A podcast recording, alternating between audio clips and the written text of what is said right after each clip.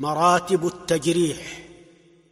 وأسوأ التجريح كذاب يضع يكذب وضاع ودجال وضع وبعدها متهم بالكذب وساقط وهالك فاجتنبي وذاهب متروك نو فيه نظر وسكتوا عنه به لا يعتبر وليس بالثقة ثم ردا. حديثه كذا ضعيف جدا.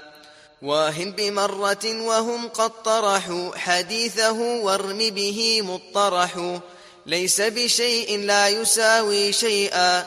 ثم ضعيف وكذا إن جيئا. بمنكر الحديث أو مضطربه. واهن وضعفوه لا يحتج به. فيه مقال فيه ضعف ضعفا. تنكر منه أي وتعرف اقتفى. ليس بذاك ليس بالقوي. ليس متينا ليس بالمرضي. ليس بحجة يليه بعده ثم يليه ليس ذا بعمده. للضعف ما هو فيه خلف طعن. فيه كذا سيء حفظ لين. تكلموا فيه وكل من ذكر من بعد شيئا بحديثه اعتبر.